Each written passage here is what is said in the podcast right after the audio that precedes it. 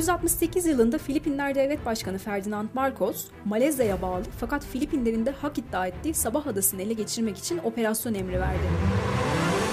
Javidah isimli özel bir komando birliği sabaha sızarak sabotaj ve psikolojik harp faaliyetleri örgütleyecekti.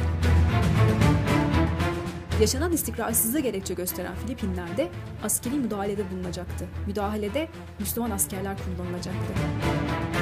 Fakat işler yolunda gitmedi. Eğitilen Moro askerleri kimine göre maaşların ödenmemesi ve kötü yaşam koşulları, kimine göre ise operasyonun gerçek içeriğini öğrenmeleri yüzünden isyan etti. Mm, plano nila is to infiltrate Sabah. They commit atrocities in Sabah. Filipinler yönetimi 18 Mart 1968'de eve geri dönmeyi isteyen 20'den fazla Moro askerini öldürdü. Jabidah katliamı Bangsamoro Müslümanları arasında büyük tepkiye neden oldu. Sabi na, line up kayo automatic. Yun nag-line up kami. Pag line up namin, yung bag namin sa likod namin, binaba namin. Nakaganyan pa kami, hindi pa kami nakatayo. Papapapapap. Müslümanlar katliamdan sonra Moro Ulusal Kurtuluş Cephesi çatısı altında birleşti ve silahlı mücadeleye başladı.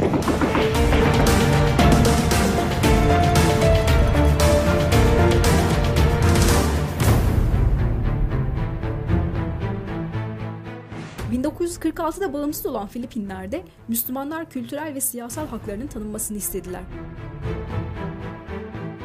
Filipinler Devleti kurulduğu zaman 1946'da 13 eyalette Müslümanlar e, çoğunluktalardı. Zaten bu harekette bu 13 eyaletin tamamının özelleşmesi üzerine kurulmuş bir yapıydı. Ama zaman içerisinde bu 5 eyalete kadar düştü. Ancak merkezi yönetim Hristiyan nüfusu bölgeye taşıyarak demografik yapıyı değiştirdi ve Müslümanları asimile etmeyi hedefledi. Bangsamoro Müslümanları yaşadıkları baskı ve zulümden sonra çareyi silahlı mücadelede buldular. Moro Ulusal Kurtuluş Cephesi 1972'de Mindanao'da Müslümanların haklarını korumak için kuruldu.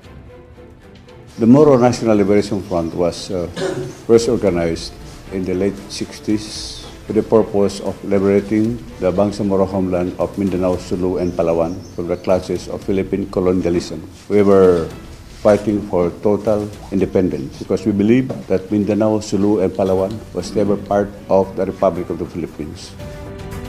Üniversite hocası Nur Misuari hareketin önderi olarak dikkat çekti.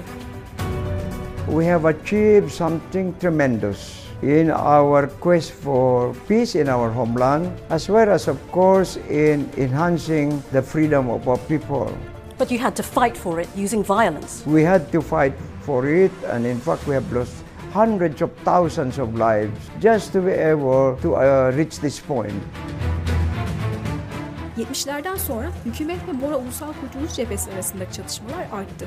Yüz binlerce insan öldü, daha fazlası göç etti. Libya'da 1976 yılında yapılan görüşmelerde Filipinler hükümeti ile Moro güçleri masaya oturdu. Ancak antlaşma hükümetin sözünde durmaması nedeniyle hayata geçmedi.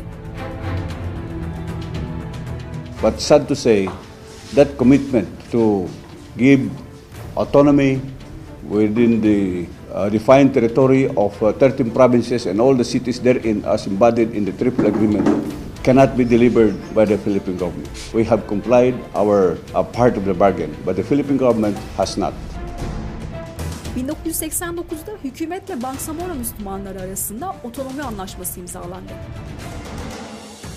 RMM'nin kurulması 1989. Barış e, görüşmeleri 1973'te başlıyor. Nur Misvari'nin lider olduğu dönemde başlıyor.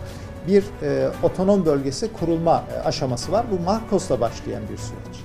Marcos'la masaya oturuluyor. Marcos 13 eyalette bu görüşmeleri yapıyor. Şimdikinden çok daha geniş bir coğrafyada bir özellik görüşmeleri var. 43 tane talep var. Devlet bu 43 talebi yerine getireceğini söylüyor. İslam İşbirliği Teşkilatı bunun garantörlerinden bir tanesi oluyor.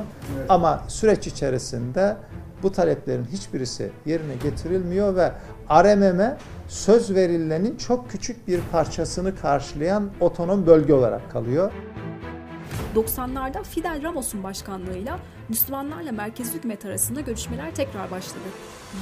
1996'da imzalanan anlaşmayla Mora Ulusal Kurtuluş Cephesi silah bırakmayı taahhüt etti. This is indeed a historic moment for the Philippi- Filipino nation. It is also a great moment for all the peoples of Southeast Asia and for a world yearning for peace. Moro muhalefeti ise tek parçalı bir yapı değildi artık. 1977'de kurulan Moro İslami Kurtuluş Cephesi yeni bir muhalefet cephesi olarak öne çıktı. Zaman içerisinde Misvari liderliğini kaybedip arazideki gücünü e, kaybettikten sonra Moro İslami Kurtuluş Cephesi, e, onun lideri Selamet Haşimi ve onun 2003'teki vefatı sonrasında da Hacı Murat İbrahim devletin muhatabı konumuna gelmiş. Filipinler hükümeti Moro Ulusal Kurtuluş Cephesi ile müzakere ederken Moro İslami Kurtuluş Cephesi güçlenmeye devam etti.